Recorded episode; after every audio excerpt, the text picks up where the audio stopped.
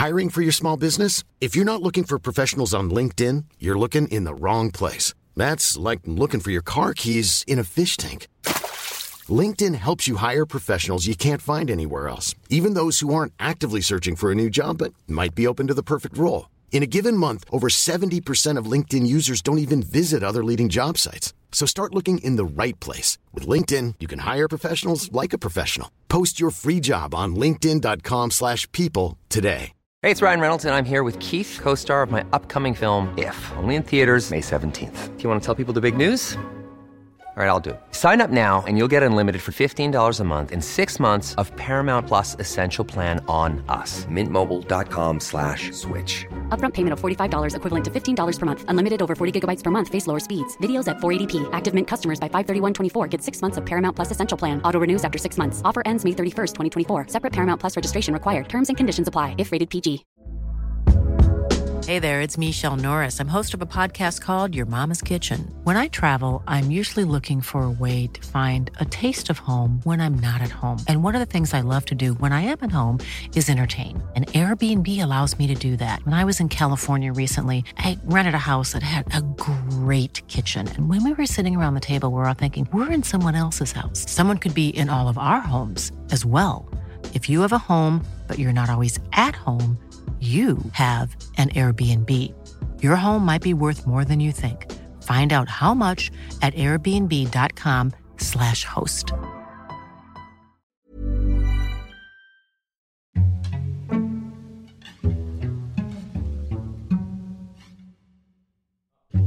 Eh, Men, men sen så var det ju en eh, tredje polisutredning här då kan man säga. Hösten 2021. Vad, vad, vad säger du om den? Ja, men de har ju inte gjort något mer. De har ju bara gått på...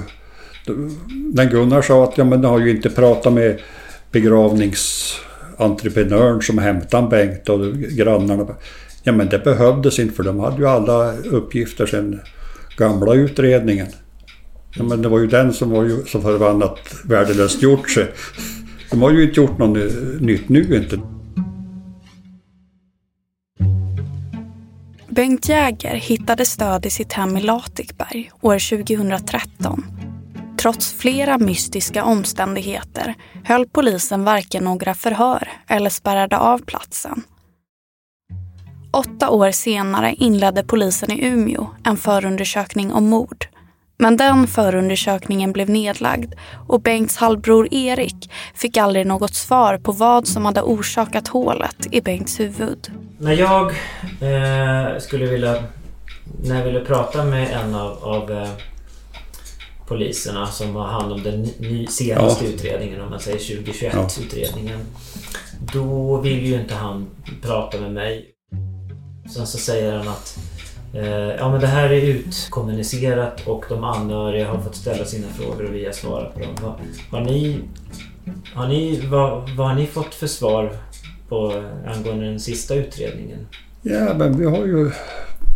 Vi vart ju kallade på, vi var ju på Vilhelmina samma dag som den gick ut med att utredningen var nedlagt. Mm. Men vi har ju inte fått några svar på hur Bengt har dött och ja, men skadorna. Och, kan man ramla i trappen uppifrån? Det liksom stämmer. Ja, men det är fullt möjligt att ramla och slå ihjäl sig i en trapp. Ja, men det vet jag väl att det går. Ramlar man och slår ihjäl sig mot något utskjutande trubbigt föremål, då måste det väl finnas där i närheten. Ja. Vad är det för utskjutande del han har slagit in, in, instansat i skallen? Du lyssnar på podcasten Motiv och på Vad hände Bengt Jäger? En dokumentärserie i sex delar om ett mystiskt dödsfall i en trappa. Det är ju uteslutet och nedlagt för fan på fem minuter. Även en polis måste ju kunna få göra fel. Men man kan ju fan erkänna. Ja, alltså sen när man fick se, läsa artiklarna om det och se allt blod som har sprutat upp i taket och det då, då förstår man ju det är, det är något konstigt där. Och har man dessutom en skada som man inte kan förklara som är avgränsad sådär, då är det ju riktigt konstigt. Producerad av mig, Ebba Adsenius och av Jonny Kock. Exekutiv producent Nils Bergman. Och det är ju så många pusselbitar som saknas i det här fallet. Jag håller med dig. Det finns en massa frågetecken i det här faktiskt. Del 2. Pusselbitar saknas.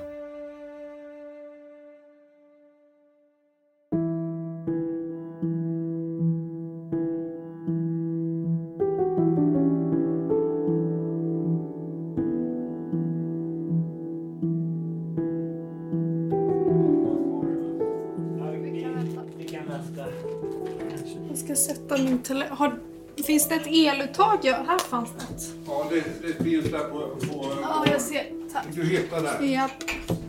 Använder ni socker eller? Nej, det är bra. Kör, kör rent. Hej, du är jättefin. Vi befinner oss hemma hos Hasse igen.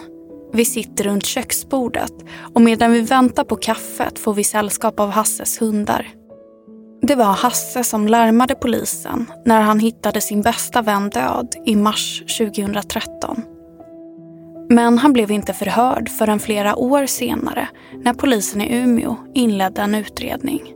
Och sen efter åtta år då så, så satt jag ju hos polisen då och försökte. Men ja, ja, ja. jag tyckte det, det gav inte. För de, de ställde inga frågor utan Nej, vad, frågar de om då? inte ett jävla dugg. De, de bara sa, det, det var du som hittade Bengt. Ja. Eh, Förklara nu hur, hur- det gick till när du hittade. Du som, var, du som hittade Bengt, du Mm. blev kontaktad efter ungefär åtta år. Mm. Mm. Hasse får aldrig tillbaka Bengt. Men hade polisen utrett Bengts dödsfall ordentligt från början hade han åtminstone sluppit att ligga sömnlös om nätterna. Det var ju så jävla tragiskt. Vi, vi kunde ju inte sova. och Alltså man, man, man kunde inte fatta hur fan, hur fan han kunde slå ihjäl sig i trappen. Alltså det där, man har ju ältat det här fram och tillbaka, fram och tillbaka. Även en polis måste ju kunna få göra fel. Men man kan ju fan erkänna. Jag menar, det, det är väl inte värre med det. Är man polis så måste man ju få göra ett fel, för vi är ju människa. Men erkänn, vi gjorde ett jävla stort misstag här. Men bara säga att nej. Och det här som de har skrivit är troligt. Vad fan troligt, vad är, vad är det för någonting? Att han har troligt ramlat ut för trappen. Och det finns inte möjlighet att han kunde ha fått något hål in i skallen.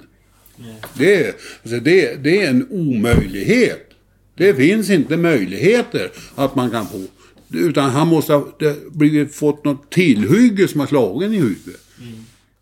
När Bengt skickades på obduktion framkom det att han hade en stor mängd alkohol i blodet. Att ramla i trappan när man är full är i sig inte osannolikt. Men det som sticker ut och som Hasse ständigt återkommer till är hålet i Bengts huvud. Hur kunde Bengt få ett hål i huvudet? Och hur är det möjligt att ta sig flera meter när man är tömd på blod och har ett hål i huvudet utan att lämna spår efter sig när man dessutom är full? Det är en fråga som Hasse har ställt sig många gånger. Det har även Bengts bror Gunnar gjort. Gunnar talade om det där, att han hade provat. Då, då gick han upp. Och la sig i trappen och han, han gasade ut. Alltså det, det var ju inte med någon rekordfart. För att är man, det är väl en sak om man är livlös. Då, då kanske det går fortare. Inte vet jag. För är man, då, kanske man kan bromsa eller styra lite. Men, men enligt Gunnar, han, han bara följde med ut på trappen. Den var så bratt så det, han, han for med ut för trappen. Och det finns inte alltså. Det finns ingenting. Gunnar försökte rekonstruera händelseförloppet i Bengts trappa. Men någon som har ramlat där av en ren olyckshändelse är Bengts ex, Ylva. Ja, vi hade ju ett förhållande och det var väl knappt ett år. Mm. Och det hände väl ett eller två år innan. Han var ju lugn som person. Och snäll. Det var han ju. Mm. Det är väl det man kan säga. Man bodde ju ute i en by och jag bodde, bor ju här på samhället och jag har eget hus där. Vad gjorde ni när ni umgicks? Ja, varje fredag. Jag gillar ju att basta då, så då brukar ni ju elda upp i bastun. Så vi åt ju och tog ju några öl och satt oss där i bastun och surrade och sådär. Och lagade mycket mat ihop och ja, vi umgicks ju i stort sett bara på helgerna. Så att jag tyckte det var ju som lugnt och skönt och komma bort på helg, helgen och det. Under en helg, hemma hos Bengt, föll Ylva i trappan. Trappan går från övervåningen till huvudentréplanets hall och fortsätter sedan ner till källaren. Mellan övervåningen och hallplanet är det 15 trappsteg. I polisens handlingar om platsundersökningen framgår att de fyrkantiga trappstegen är 98 cm breda och 29 cm djupa. Ett flertal trappsteg är avsmalnade och har varierande mått. Intill väggen finns en ledstång, men trappans inre del saknar räcke. Och eh, det, det vi ska prata om mest, eller den här, den här lilla, lilla händelsen. När hände det här och, och hur, hur gick det till? Det, det som du råkade ut för. Där jag ramlade i trappen, ja. Ja, det var ju mitt i natten jag vaknade. Jag var i pinknöde och det var ju på övervåningen. Det var ju alldeles mörkt där, för det finns ju som inga eh, fönster i hallen och det då. Han hade ju så inga... Jag tänkte väl aldrig på och här på lampknappen heller, så att jag tänker jag hit väl till toan. Jag, jag trevar mig ut då, men då missade jag toan då. Så jag ramlade ju ner för trappen då. Och Bengt han hörde ju att någon duns där då. Så han rusade ut och var ju väldigt förskräckt och frågade hur det hade, hur det hade gått och allting då. Jag kom ju till halva trappen ungefär då, hade ju ramlat. Jag hade ju inte gjort milla. Jag kanske fick några blåmärken och sånt där, men inte något mer. Nej. Men eh, ja, det hade ju gått bra då. Jag var väl lite chockad, det var väl det enda. Mm. Men annars hade jag klarat mig bra. Mm. Och sen då, dagen därpå, han satte ju upp en eh, eh, sån här lampa vid trappen då, som tändes med rörelsedetektor. Mm. Så inte jag skulle missa den fler gånger. Så den satt ju där vid trappen längst upp. Så den tändes ju så fort man kom i närheten. Un, ungefär när var det här? Han försöker att minnas hur, hur eh, tid... Som jag ramlade i trappen där. Ja, och, och när den där då kom upp. Ja, det måste väl vara ett och ett halvt eller två år innan. Jag, jag vet faktiskt inte. Nej. När vi tittar på fotografier av Bengts trappa är det svårt att föreställa sig att ett fall i den skulle kunna ge så pass allvarliga skador att det leder till döden. Trappan är svängd som ett U, tillverkad i furu och alla kanter i konstruktionen är mjukt rundade. Avståndet från övervåningens golv är 284 centimeter och högst upp i trappan, på höger sida, finns ett staket.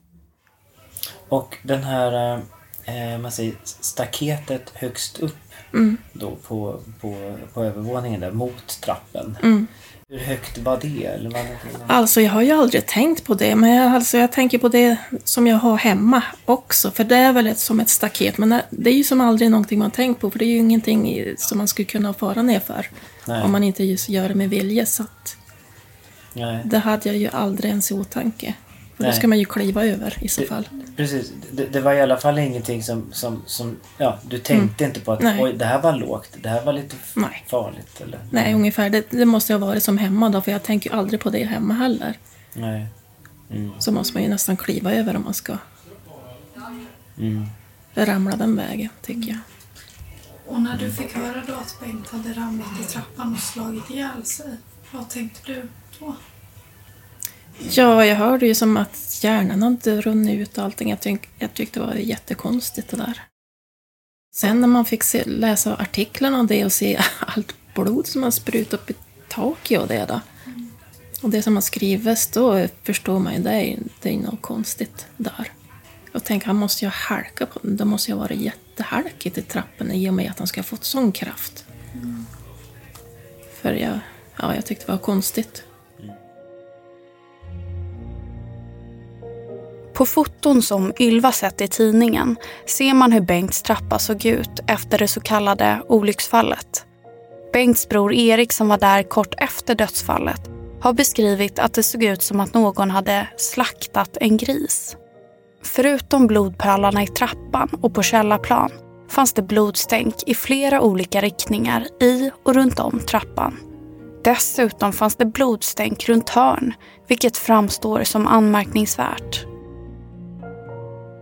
Är det möjligt att, att blod kan transporteras ner och sen in bakom? Är du med att liksom, när det, är, när det är inomhus och det inte blåser? Kan blod gå i en, i en båge? Nej, det kan det inte göra. Om, om det finns, vi får vi bortse från vindförhållanden och sådär. För skulle det vara utomhus då får man vara jätteförsiktig.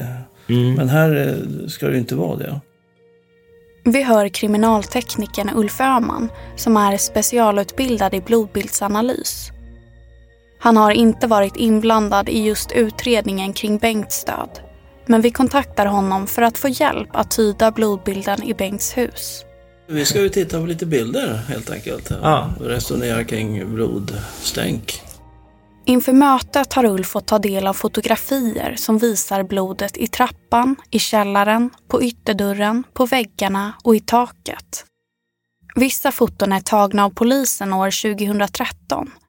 Andra är tagna i samband med att Aftonbladet gjorde ett tv-inslag om händelsen år 2021. Ulf har även fått ta del av bilder som Bengts anhöriga har skickat till oss. Men vi börjar med att visa Ulf en bild som är tagen av polisen. Det är en närbild på blodet i Bengts trappa. Den som visar undersidan av trappsteg 4 och 5. Ja, just det. Ja, Alltså det måste ju ha varit eh, en hel del blod på fjärde trappsteget. Mm. Sen, har det, sen är det ju någonting som gör att det stänker blod. Problemet är ju liksom om han ramlar på trappsteget bara mm, eh, så, så, så stänker det ingenting för det måste ju komma blod först. mm, Så att eh, antingen så är det redan blodigt där. När, han, när någon, någonting slår i ytan så att det stänker ut på baksidan. mm. Det måste finnas där. Eh, så är det ju.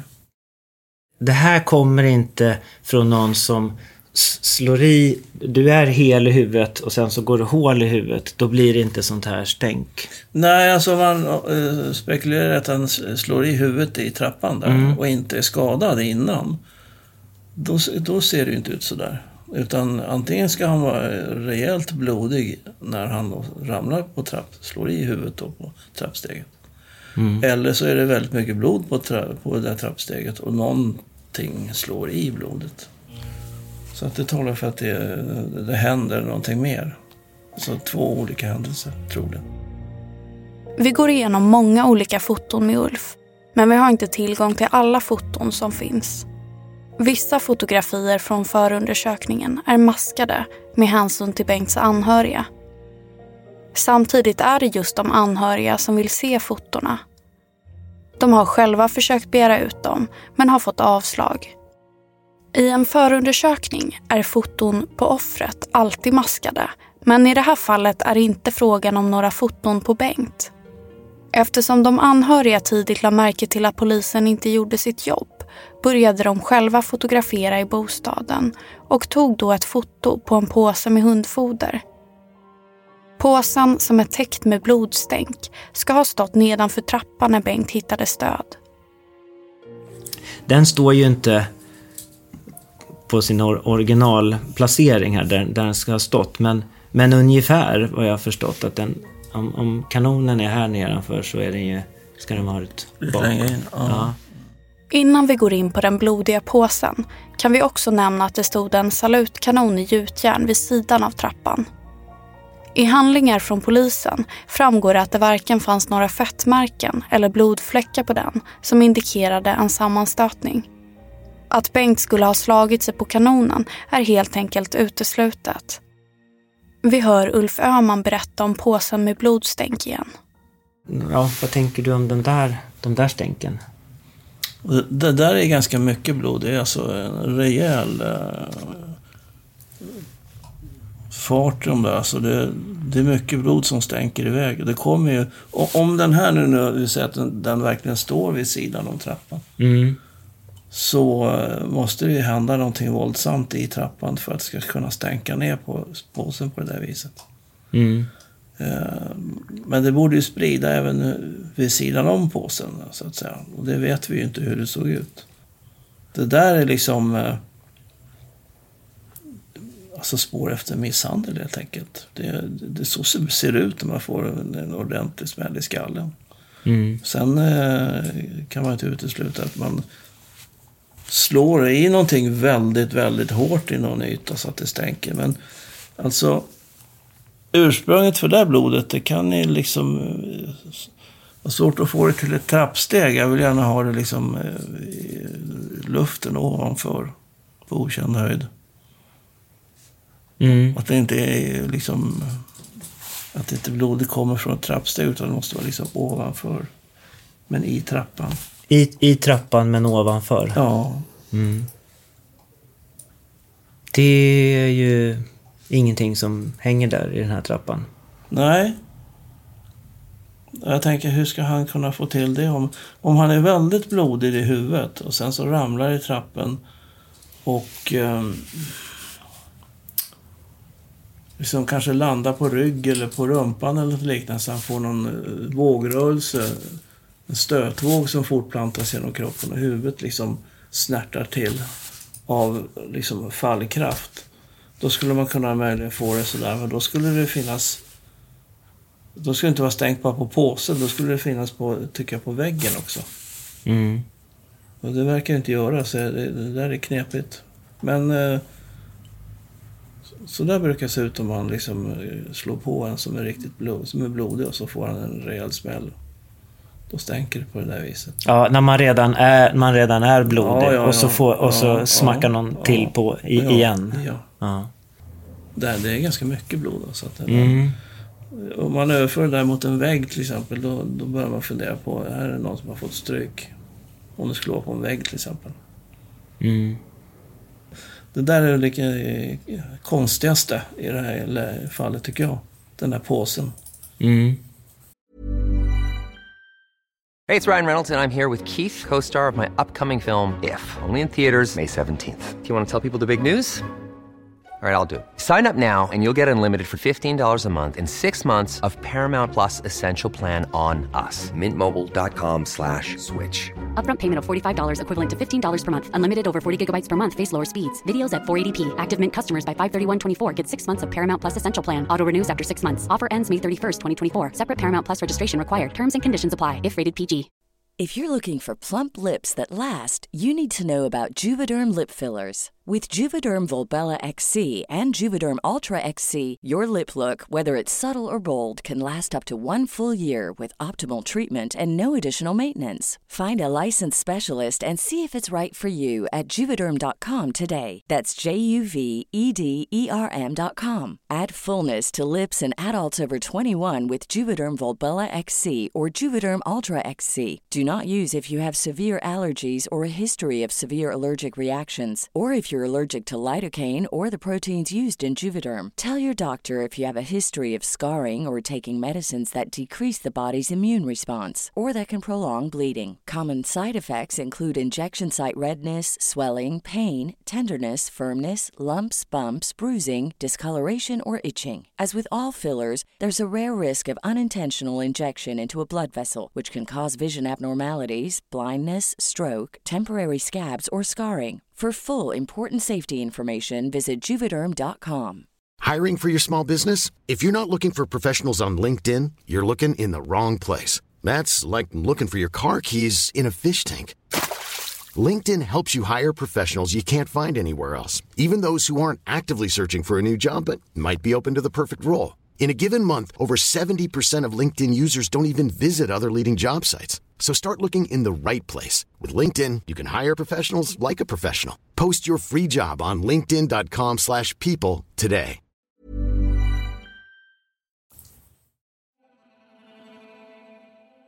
Min samlade bild av det här liksom med de här påsen och det här är, är, är inte... Jag skulle säga att eh, pendeln är, pekar inte mot ett bara fall i trappan. Det gör inte det. Men alltså, det, där att säga att, att han är ihjälslagen, det kan, det kan man inte säga. Men det, det, det, det är inte typiskt fall i en trappa tycker jag. Och har man dessutom en skada som man inte kan förklara som är avgränsad sådär, då är det ju riktigt konstigt. Enligt blodbildsanalytikern Ulf Öhman finns det omständigheter som talar starkt för att Bengt kan ha blivit utsatt för en misshandel. Han tycker att polisen borde gjort en noggrann teknisk undersökning redan från början. Nu flera år senare är många tekniska bevis förstörda eftersom platsen inte spärrades av.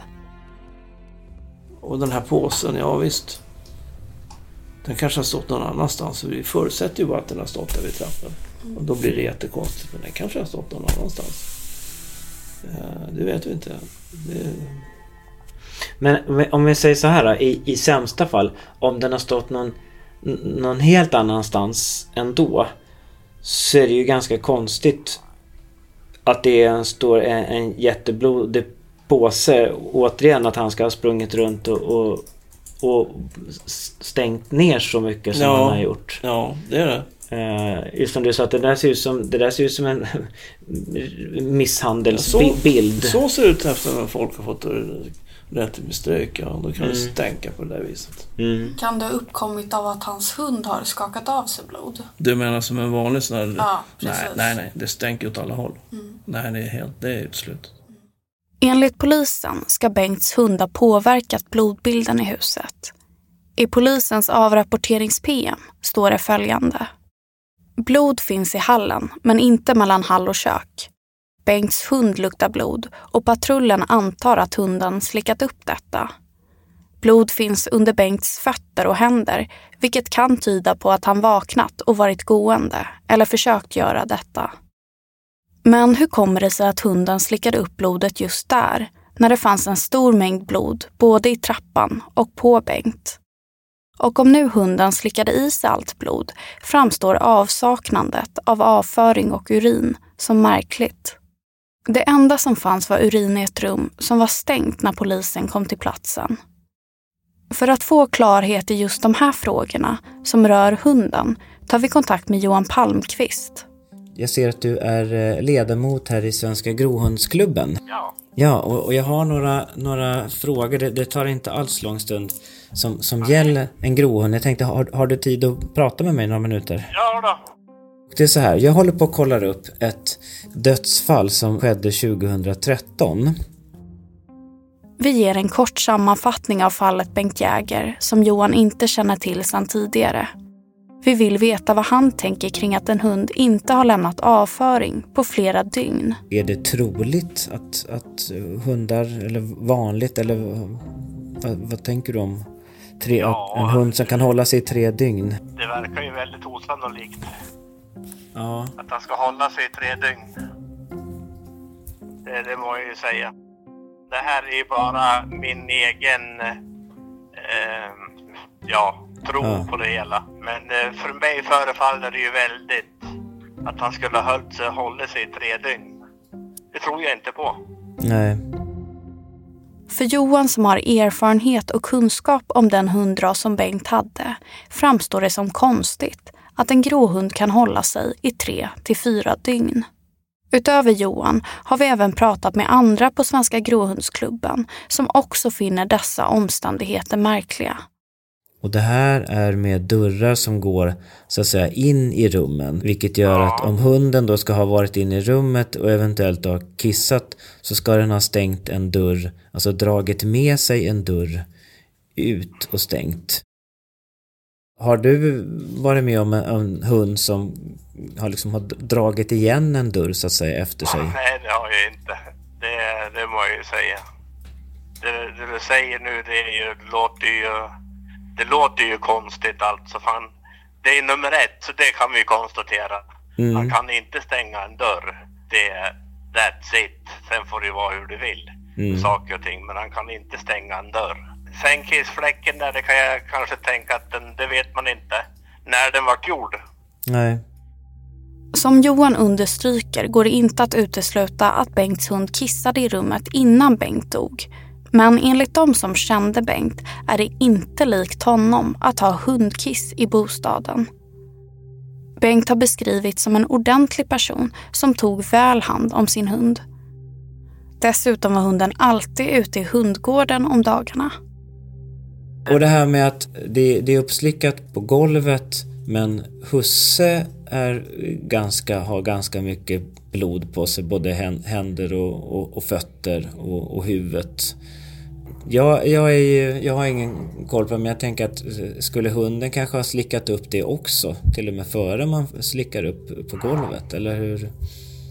Ja, det, det, det, jag har ingen kunskap om det. det. Jag måste säga precis som det det, det låter jag vara osagt. Ja, ja, men det är bra. Det, jag, för jag, jag vill heller inte att det ska kännas uh, osäkert och jag tycker du har varit väldigt tydlig med det också att det här är det som, som du tror. En sista fråga här då. Det är att han, han hittas ju i köket sittandes då eh, på golvet mot, eh, mot några köksluckor eller köksskåp. Och det finns en rejält stor blodfläck i trappan. Eh, och han är ju blodig, själva ägaren då. Men det finns knappt något blod kvar mellan dem. Och där tror polisen att hunden då har slickat upp allt det blodet. Vad tänker du om det? Om han har slickat upp det så skulle de ju sett blod i ultraviolett ljus i alla fall. Mm. För du, du, du, kan ju inte slicka upp och tro att det inte finns något spår heller. Nej. Nej. Nej, och det är det här som är lite problemet med den här utredningen för att de gjorde inte det här på en gång. Eh, utan de bara förutsatt att det var en, en olycka och så var de hämtade honom och spärrade inte av eller gjorde någonting. Utan, utan först efter ett halvår då, då hade Jag tror det är så här med polisen uppe i Norrbotten, eller, Norr, eller Västernorrland också. Det, det är det att dels har de inte folk. För att de, har ju, de är otroligt underbemannade i relation till det polisområde de har att bevaka och hantera.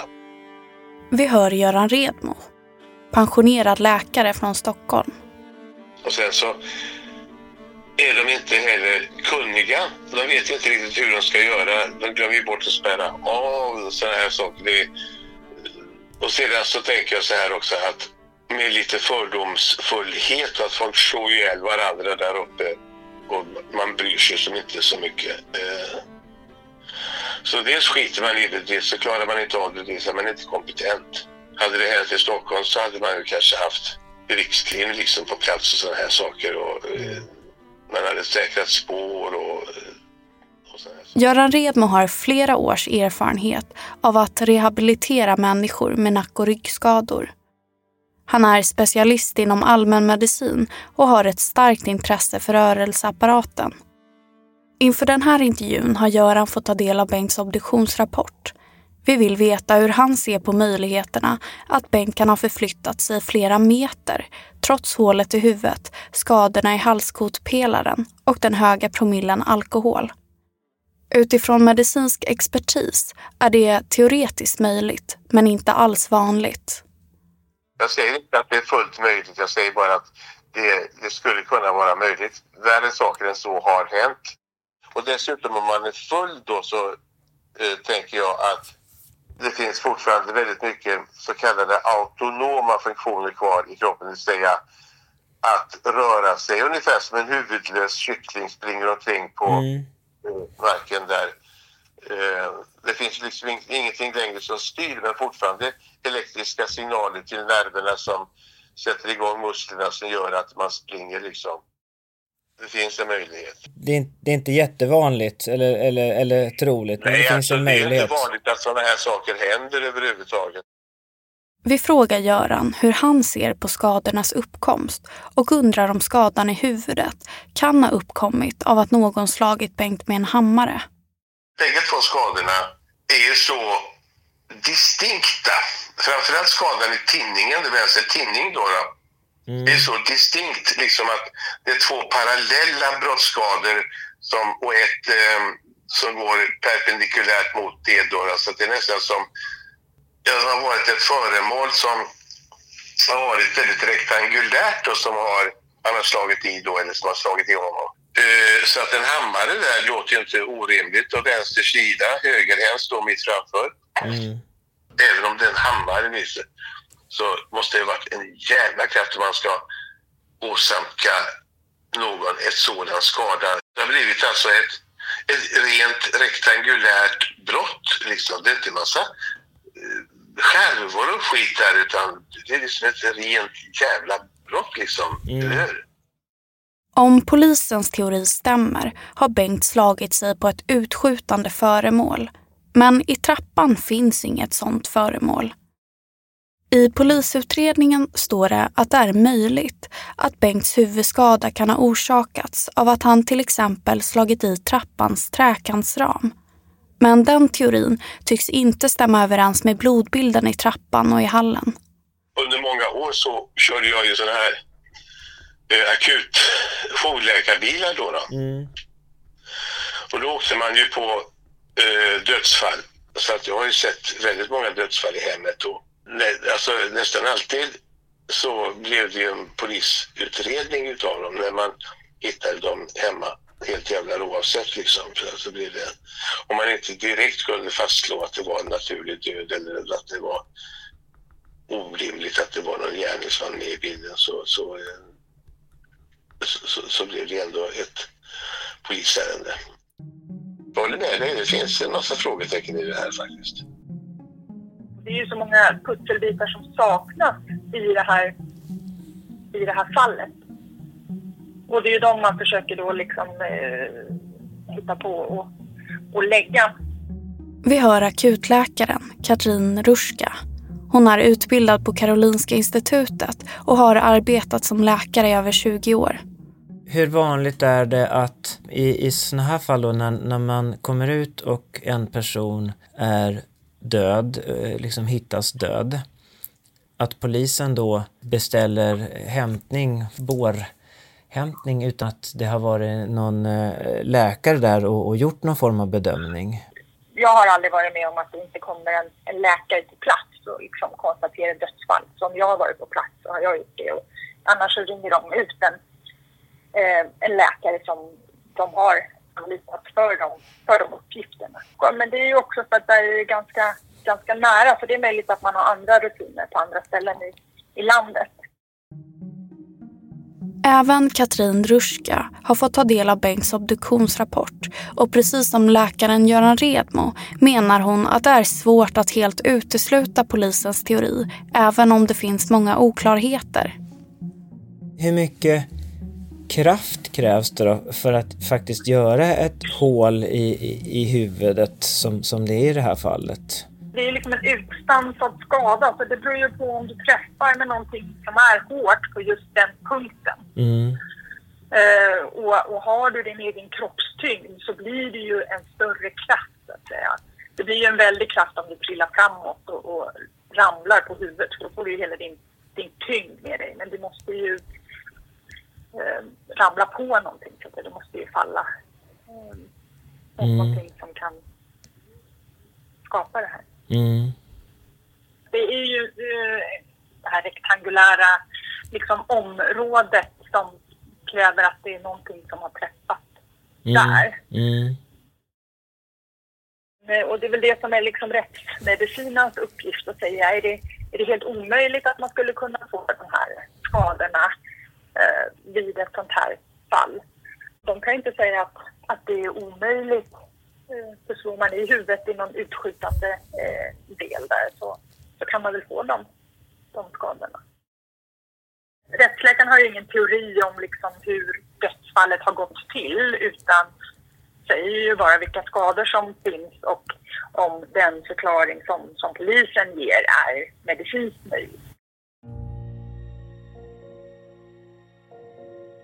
Under arbetet med den här dokumentärserien kontaktar vi Rättsmedicinalverket i Umeå. Vi vill prata med rättsläkaren som obducerade Bengt eftersom vi genom anhöriga har fått veta att även hon har ifrågasatt polisens teori. Personen vi hör arbetar på Rättsmedicinalverket men är inte den aktuella rättsläkaren vi söker. Eh, kommunikationen i det här ärendet den sköts av Umeåpolisen. Så jag får hänvisa dig till David Helgesson på mm. polisen i Umeå. Mm. Uh. Ja. Ja, ja, Rättsmedicinalverket hänvisar oss till polisen i Umeå och polisen i Umeå hänvisar oss till rättsläkarens obduktionsutlåtande. Känslan vi lämnas med är att ingen vill rota i fallet. Då vet jag, hon, för hon vill inte säga någonting kring, kring det här då utan att det, det är polisen som... Ja, det ska gå igenom polisen då och det är David Helgesson som är ansvarig där. Mm. Mm.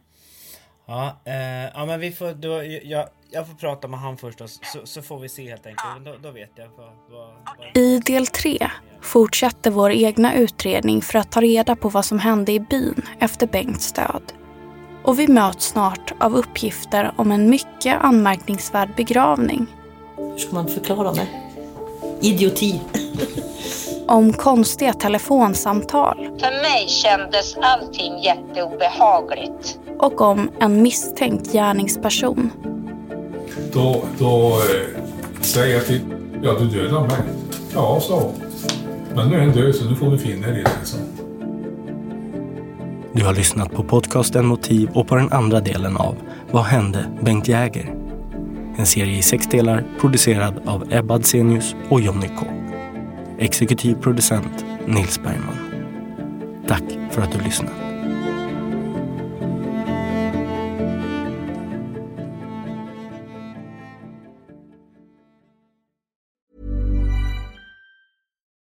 It's Paige DeSorbo from Giggly Squad. High quality fashion without the price tag. Say hello to Quince. I'm snagging high-end essentials like cozy cashmere sweaters, sleek leather jackets, fine jewelry, and so much more. With Quince being 50 to 80% less than similar brands. And they partner with factories that prioritize safe, ethical, and responsible manufacturing. I love that. Luxury quality within reach. Go to quince.com slash style to get free shipping and 365 day returns on your next order. Quince.com slash style. Motiv är en Tall Tale produktion. Ansvarig utgivare är Jonas Häger. Och Motiv görs i samarbete med Lexbase. Ange rabattkoden MOTIV när du blir ny betalande medlem på lexbase.se och få tre kostnadsfria domar.